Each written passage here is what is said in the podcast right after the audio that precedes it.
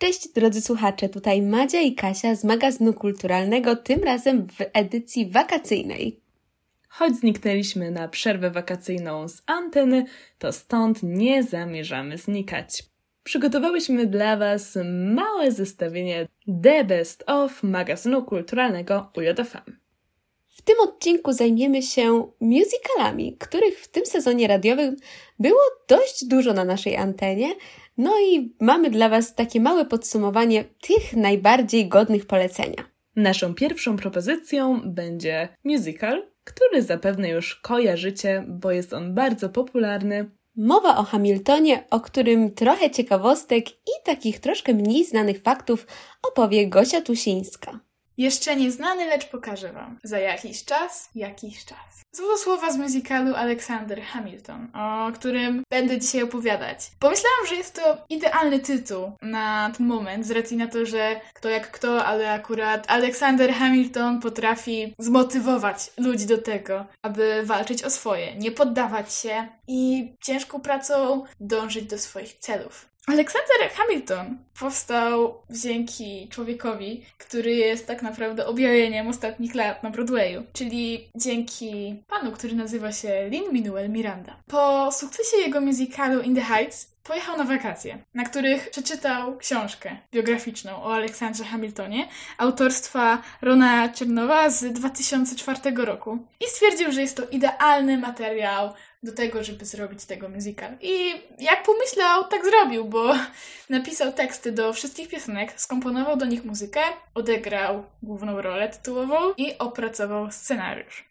Spektakl ten opowiada o Aleksandrze Hamiltonie, który musiał przejść drogę od sieroty, który nie ma pieniędzy, ani tak naprawdę mogłoby się wydawać możliwości do tego, by zaistnieć w świecie i robić coś istotnego, do jednego z ojców założycieli Stanów Zjednoczonych. W pierwszym akcie widzimy walkę z Imperium Brytyjskim, a drugi akt to walka, ale już na zupełnie innym polu, ponieważ już typowo polityczna. Dlatego właśnie jest to żywa lekcja historii. Jednak trzeba tutaj podkreślić, że jest to musical, który opowiada o dawnych ludziach, ale dla współczesnych. Przytoczę tutaj fragment książki, ale musicale Daniela Wyszogrodzkiego.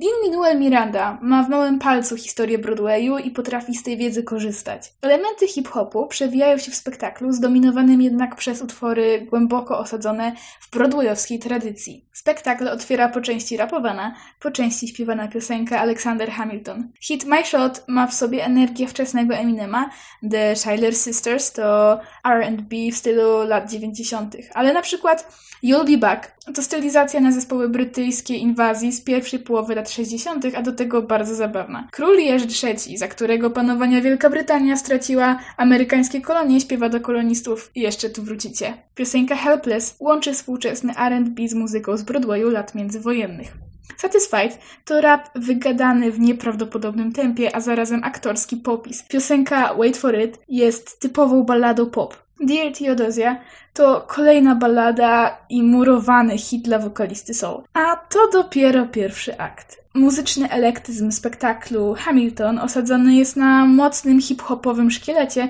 co zapewnia połączenie tradycji z nowoczesnością wiarygodne dla współczesnej publiczności. Koniec cytatu. Myślę jednak, że najbardziej o tym musicalu będzie przemawiać przede wszystkim zainteresowanie, jakie się ciągnie za tym tytułem. Kiedy tylko został wystawiony na deski teatru na Broadwayu, po paru dniach nie dało się dostać żadnego miejsca, nawet najgorszego, żeby zobaczyć ten musical. Dlatego też były organizowane liczne losowania. Było na przykład pula 20 biletów i to były naprawdę dobre miejsca. Zainteresowanie ludzi było tak wielkie, że gdy był dzień losowania, tłumy stały pod drzwiami. Nawet był zablokowany ruch w tamtym czasie, ponieważ było tyle ludzi, że nie dało się przejechać tą ulicą. Były zorganizowane również akcje Ham for Ham, czyli za bilet w kwocie 10 dolarów, czyli 10 dolarówce, na której widnieje właśnie wizerunek Aleksandra Hamiltona, można było zobaczyć uliczne przedstawienie fragmentu musicalu na ulicy przed teatrem, przez oryginalną obsadę, bez y, kostiumów, były jednak śpiewane i pokazywane widowni, żeby ludzie, nawet ci, którzy nie dostali miejsc, mogli zobaczyć chociaż fragment tego musicalu. Popularność była tak wielka, że kiedy w 2015 roku Departament Skarbu Stanów Zjednoczonych chciał usunąć wizerunek Aleksandra Hamiltona z 10 dolarówki, odwołał swoją decyzję. Można by było dalej opowiadać różne przykłady o tym, dlaczego Hamilton jest taki popularny, ale myślę, że najlepiej będzie, jeżeli to on sam Wam się przedstawi. Kolejną naszą dzisiejszą propozycją będzie musical Dear Evan Hansen. Jest to także jeden z tych nowszych musicalowych broadwayowskich perełek. Opowie Wam o nim również Gosia Tusińska. Posłuchajcie. Opowiem Wam o jednym z pierwszych musicali, które wsłuchiwałam się w kółko i w kółko i w kółko. I w sumie jednym z, do dzisiaj jednym z moich ulubionych tak naprawdę broadwayowskich hitów, czyli o Dear Evan Hansen. Jest to musical, w którym na początku poznajemy dwóch chłopaków. Jeden z nich to Connor, który ma problemy z rodzicami, nie dogaduje się z nimi za bardzo, a drugi to tytułowy Evan Hansen, który odczuwa lęk społeczny, nie potrafi za bardzo dogadać się ze swoimi rówieśnikami i czuje się strasznie samotny w tym świecie. Pani psycholog zaleca mu, aby pisał do siebie listy, w których będzie mówił o swoim dniu, będzie mówił o swoich uczuciach. E, no i Iwan to praktykuje, pisze listy. E, przychodzi pewnego dnia do szkoły ze złamaną ręką i według zalecenia pani psycholog prosi swoich znajomych o podpisanie się na jego gipsie. Jednak nie wszyscy, nie, nikt nie chce tego zrobić e, i zaczepia w związku z tym Konora, który jest w podłym nastroju i jakoś tak się po kolei dzieje cała akcja, sytuacja, że list, który wcześniej napisał Iwan, w którym pisze, jak bardzo jest mu źle, ląduje w kieszeni Konora. A jak się później okazuje, Konor popełnił samobójstwo. I tu zaczyna się problem, bo ten list jest zaadresowany do Iwana. A to znaczy, według osób, które znalazły ten list, że Iwan i Konor się ze sobą przyjaźnili. I tu zaczyna się cała akcja, ponieważ Iwan zamiast wyprowadzić rodziców Konora z błędu, mówi, że tak, on się przyjaźnił z Konorem. I oszukuje ich w ten sposób, ponieważ wydaje mu się to tak fantastyczną rzeczą, że mógł mieć takiego przyjaciela, że nie potrafi się przyznać do tego. To nie jest musical typu Be More Chill, o którym na przykład opowiadałam z dwa tygodnie temu, tylko o wiele bardziej poważny. Najbardziej chyba dotknęła mnie piosenka, którą śpiewa tata Konora i radzi Iwanowi, w jaki sposób przygotować rękawicę baseballową, czyli piosenka ma tytuł To Break in a Glow. Widać tragedię, która dotknęła tych ludzi i to, jak bardzo przeżywają śmierć swojego syna i jak bardzo żałują, że nie mogą z nim teraz porozmawiać i wyjaśnić tego, co między nimi zaszło. Odpowiedzialni za to są, za muzykę i tekst piosenek, Benny Pasek i Justin Paul, a za scenariusz Steven Lanson jest to musical z 2016 roku. Został wtedy też nominowany do dziewięciu nagród, z czego wygrał ich sześć, w tym do najlepszego aktora musicalowego, czyli Bena Plata, którego może znacie z takich produkcji jak Pitch Perfect, ale też z serialu Netflixa e, Wybory Pythona Hobarta, który premierę drugiego sezonu miał w zeszłym roku w wakacje. I tam zresztą też możemy usłyszeć wokal tego aktora. Muszę się przyznać, że moim ulubionym jest Wiena Billy'ego Joela, którą coveruje akurat w tym serialu. I tutaj też super info dla fanów tego musicalu, bo Universal Pictures w koprodukcji z Marcin Platem, czyli właśnie tatą Bena, który gra główną rolę, z reżyserem Stevenem Boskim e, rozpoczęli produkcję w 2020 roku nad filmem. Oprócz tego polecam Wam też gorąco nagranie Found slash Tonight, gdzie Ben Platt z Linem Manuelem Mirandą połączyli tytułowe piosenki, czyli You Will Be Found i The Story of Tonight z Aleksandra Hamiltona i zrobili coś fantastycznego. Przesłanie, które płynie z tego musicalu, przede wszystkim jest takie, że nikt nie powinien być samotny. każdy powinien mieć kogoś, z kim może porozmawiać o swoich problemach i powinniśmy zwracać nawzajem na siebie uwagę. Dlatego na sam koniec życzę Wam poczucia, że nie jesteście niewidzialni. Te musicale możemy podziwiać tylko w formie wirtualnej lub musimy się wybrać do Londynu czy nawet do Stanów Zjednoczonych, ale mamy także musicale, które są na wyciągnięcie ręki. I taką propozycję przedstawi Wam moja kochana współprowadząca Kasia. Opowiem Wam teraz o spektaklu, na który miałam przyjemność e, się przejść. Był to spektakl Pretty Woman The Musical w teatrze Varieté. No i ja muszę przyznać, że ciężko mi zabrać moją szczękę z podłogi i powiedzieć Wam teraz coś o tym musicalu, bo był on po prostu fenomenalny. Ja wyszłam z niego zachwycona, ale zacznijmy od początku. Pretty Woman The Musical jest to musical na podstawie bardzo popularnego filmu z Julią Roberts i Richardem Girem w rolach głównych. No kto z nas nie pamięta prostytutki Vivian oraz przystojnego biznesmena Eduarda, którzy spotykają się w Hollywood, no i zakochują się w sobie. Jestem przekonana, że każdy z nas choć raz oglądał ten film. E, ja z moją mamą oglądałyśmy go zdecydowanie wielokrotnie. Dlatego byłam zachwycona, gdy musical pod tym samym tytułem zadebiutował 16 sierpnia 2018 roku na Broadwayu, w którym w roli głównej, w roli Vivian, występowała Samantha Banks. A muzykę do tego musicalu skomponował sam Brian Adams, czyli ikona muzyki rockowej i zdobywca wielu nagród Grammy. Nic dziwnego więc, że ten musical na Broadwayu okazał się absolutnym fenomenem. Bilety wyprzedawały się na niego błyskawicznie, no i nic dziwnego, że również u nas musiał się on pojawić. Chylę czoła tutaj do teatru Varieté, który w fenomenalny sposób przygotował ten musical. Od świetnego tłumaczenia amerykańskich piosenek, które co ciekawe przetłumaczył nie kto inny jak reżyser e, tego musicalu, Wojciech Kościelniak, e, aż po cudowną obsadę kolorowe kostiumy, no i oczywiście cudowną choreografię. Ja byłam na niedzielnym spektaklu, w którym w roli Vivien grała Maria Teszkiewicz, a w roli e, Edwarda grał Rafał Drost. Moim zdaniem świetnie pokazali emocje tych bohaterów głównych, świetnie śpiewali te piosenki. Dużo emocji, dużo ekspresji. To jest to, czego oczekujemy po muzykalu. Po prostu chcemy wyjść z niego zachwyceni. Kolejnym, kolejnym elementem, który mnie zachwycił, była muzyka na żywo. Jak wchodzi się do teatru Varieté, to zamiast loży po lewej stronie znajdował się zespół, który grał tę muzykę na żywo.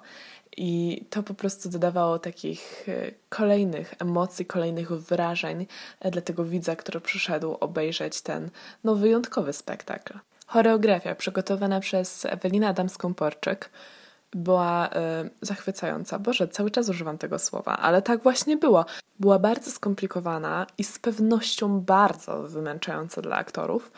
No po prostu była bardzo wymagająca, ale to sprawiało, że z przyjemnością oglądały się z widowni, że cudownie po prostu komponowała się z całym musicalem, z całymi piosenkami. Praktycznie cały czas scena była pełna tancerzy i aktorów, którzy wspólnie prezentowali nam piosenki oraz sytuacje, które dzieją się na scenie. Zaskoczeniem dla mnie był fakt, że nie było praktycznie żadnych rekwizytów, y, że wszystko było grane tak troszeczkę w powietrzu, ale jednocześnie nie przeszkadzało mi to za bardzo. Moim zdaniem super ograli tą scenę. Ogromne brawa do reżysera, że e, pokierował tak aktorami, aby potrafili e, z pustej sceny stworzyć scenę, która była naprawdę pełna kolorów, pełna tych wyimaginowanych rekwizytów. Jedyną rzeczą, która nie do końca mi się podobała, nie do końca trafiła w mój gust, były kostiumy, bo były one dość abstrakcyjne, miały one takie bardzo żywe kolory, szczególnie kostiumy Vivian, które moim zdaniem no, nie do końca pasowały akurat do, do jej osobowości. Wydaje mi się, że jednak w amerykańskim musicalu dobrze zrobiono, że kostiumy przygotowano dokładnie takie same, jak były w oryginalnym filmie. Wydaje mi się też, że dlatego mogły mi nie pasować te kostiumy, bo po prostu byłam dość mocno przyzwyczajona do tego, co widziałam na ekranach kinowych. Na tamte ubrania Vivien, na tamte kreacje. Dlatego myślę, że, że tutaj może, może dlatego no nie do końca byłam zdecydowana odnośnie tych kostiumów. Muszę przyznać, że nasz teatr Varieté przygotował musical na naprawdę światowym poziomie. I ja jestem z tego teatru bardzo dumna i bardzo się cieszę, że mamy przyjemność coś takiego oglądać u nas w naszym Krakowie. I że w przyszłości na pewno będą równie dobre produkcje, również musicalowe. Bardzo mocno na to czekam i serdecznie gratuluję Teatrowi Varieté, który przygotował naprawdę no, zachwycający, inspirujący musical. I trzymam kciuki, aby udało się u nas rozpromować musicale na tak wielką skalę, jak na przykład w Londynie e, lub w Stanach Zjednoczonych. I czas na wielki finał naszych musicalowych polecajek. Gosia Tusińska opowie Wam zaraz o musicalu Jesus Christ Superstar. Jeżeli nie znacie tego musicalu, to pewnie trochę zaskoczył Was nie ukrywajmy, ten kontrowersyjny trochę tytuł Jesus Christ Superstar, do którego muzykę skomponował Andrew Lloyd Webber, słowa utworzył Tim Rice i scenariusz został stworzony wspólnie przez tych dwóch panów na podstawie, jak się pewnie już domyślacie, Nowego Testamentu, a dokładniej siedmiu ostatnich dni życia Jezusa Chrystusa. Oprócz kontrowersyjnego tematu, trzeba podkreślić, że jest to musical, który jest stworzony z elementów rockowych, czyli jak na tamte czasy, mniej więcej lata 70., jest to tak naprawdę nowatorski pomysł. Nie coś całkowicie nowego, bo takie musicale już się faktycznie pojawiały ze wstawkami rockowymi, ale czymś, co jeszcze nie jest całkowicie rzeczą normalną w znaczeniu powszechną w muzyce musicalowej. Dlatego tutaj trzeba podkreślić, że tych dwójka panów, czyli Andrew Lloyd Webber i Tim Rice, stwierdzili, że muszą oswajać swoich odbiorców z tym dziełem małymi kroczkami, żeby zobaczyć, jaki będzie odbiór.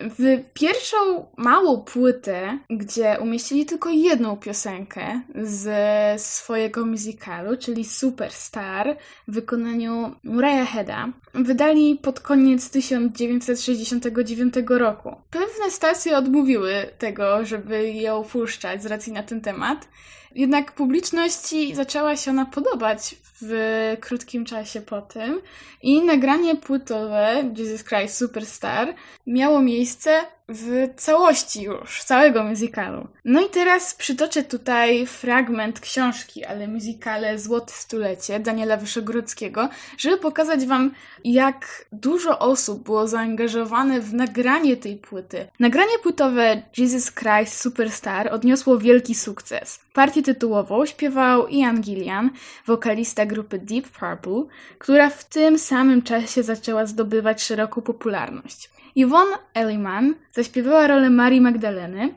Płytowym Judaszem pozostał Murray Head. Na powstanie albumu złożyło się 60 sesji nagraniowych. Wzięła w nich udział 85-osobowa orkiestra symfoniczna, sześciu muzyków rockowych, pochodzących w większości z zespołu The Grease Band, akompaniującego wokaliście Joe Cockerowi. 11 wokalistów solistów, 16 w zespole wokalnym, trzy chóry, partię organową zarejestrowano w kościele. Warto tutaj też przede wszystkim powiedzieć o tych kontrowersjach, skąd one się wzięły. Przede wszystkim dlatego, że sam musical kończy się w momencie ukrzyżowania Jezusa Chrystusa i nie ma ukazanego zmartwychwstania. A sam Jezus podczas tego musicalu jest przedstawiony bardzo człowieczo, można by powiedzieć. Tak samo zresztą jak Judasz. Jest on przedstawiony trochę bardziej w pozytywnym świetle niż jest to odczytywane poprzez Ewangelię. Tak naprawdę można ich porównać do dwójki przyjaciół, którzy rozwinęli się w jakiś sposób ze swoimi intencjami, a konsekwencje tego były tragiczne. I pomimo tego, że jest to uznawane jako kontrowersja, wydaje mi się, że pomimo wszystko, jeżeli chcemy nawiązać do samej tej historii, tego jak została ona przedstawiona, e, daje to fantastyczną perspektywę do tego, żeby może bardziej zrozumieć tą postać. Bo na przykład w piosence I Only Want to Say, kiedy Jezus jest tuż przed tak naprawdę skazaniem go na śmierć. Modli się w ogrodzie oliwnym. Jezus się boi i widać ten strach, to przerażenie wręcz. To jest bardzo człowiecze, bardzo ludzkie, to co w takim momencie widzimy na twarzy tego Jezusa. I myślę, że to jest normalna reakcja całkowicie na taką sytuację, gdyby ktoś z nas wiedziałby o tym, że następnego dnia albo w najbliższym czasie po prostu umrze i będzie cierpiał i że to jest coś koniecznego. Z tego co pamiętam, w zeszłym roku, jakoś przed Wielkanocą, tydzień przed, stała udostępniona wersja tego musicalu do poglądu dla wszystkich, dla każdego, kto chciał w sumie go obejrzeć w wersji scenicznej, więc polecam mieć oczy szeroko otwarte, bo może jest jakaś szansa na to, że uda nam się zobaczyć ten musical w internecie. To już wszystkie propozycje musicalowe w tym wydaniu magazynu kulturalnego The Best of Musicale. Oczywiście zostajemy z Wami przez całe wakacje w formie podcastów musicalowych, więc przed nami jeszcze wiele tego typu podsumowań. Koniecznie zaglądajcie co jakiś czas na naszego Spotify'a i media społecznościowe UJFM, żeby dowiedzieć się o wszystkich nowościach. Oczywiście dajcie nam znać, jak słuchacie naszych podcastów i jak Wam się podobają na naszych mediach społecznościowych. I oczywiście zapraszamy Was na resztę podcastów kulturalnych, których znajdziecie na naszym kanale. A przez ten podcast przeprowadziły Was Magda Rodzeń i Kasia Kubalska. Do usłyszenia wkrótce.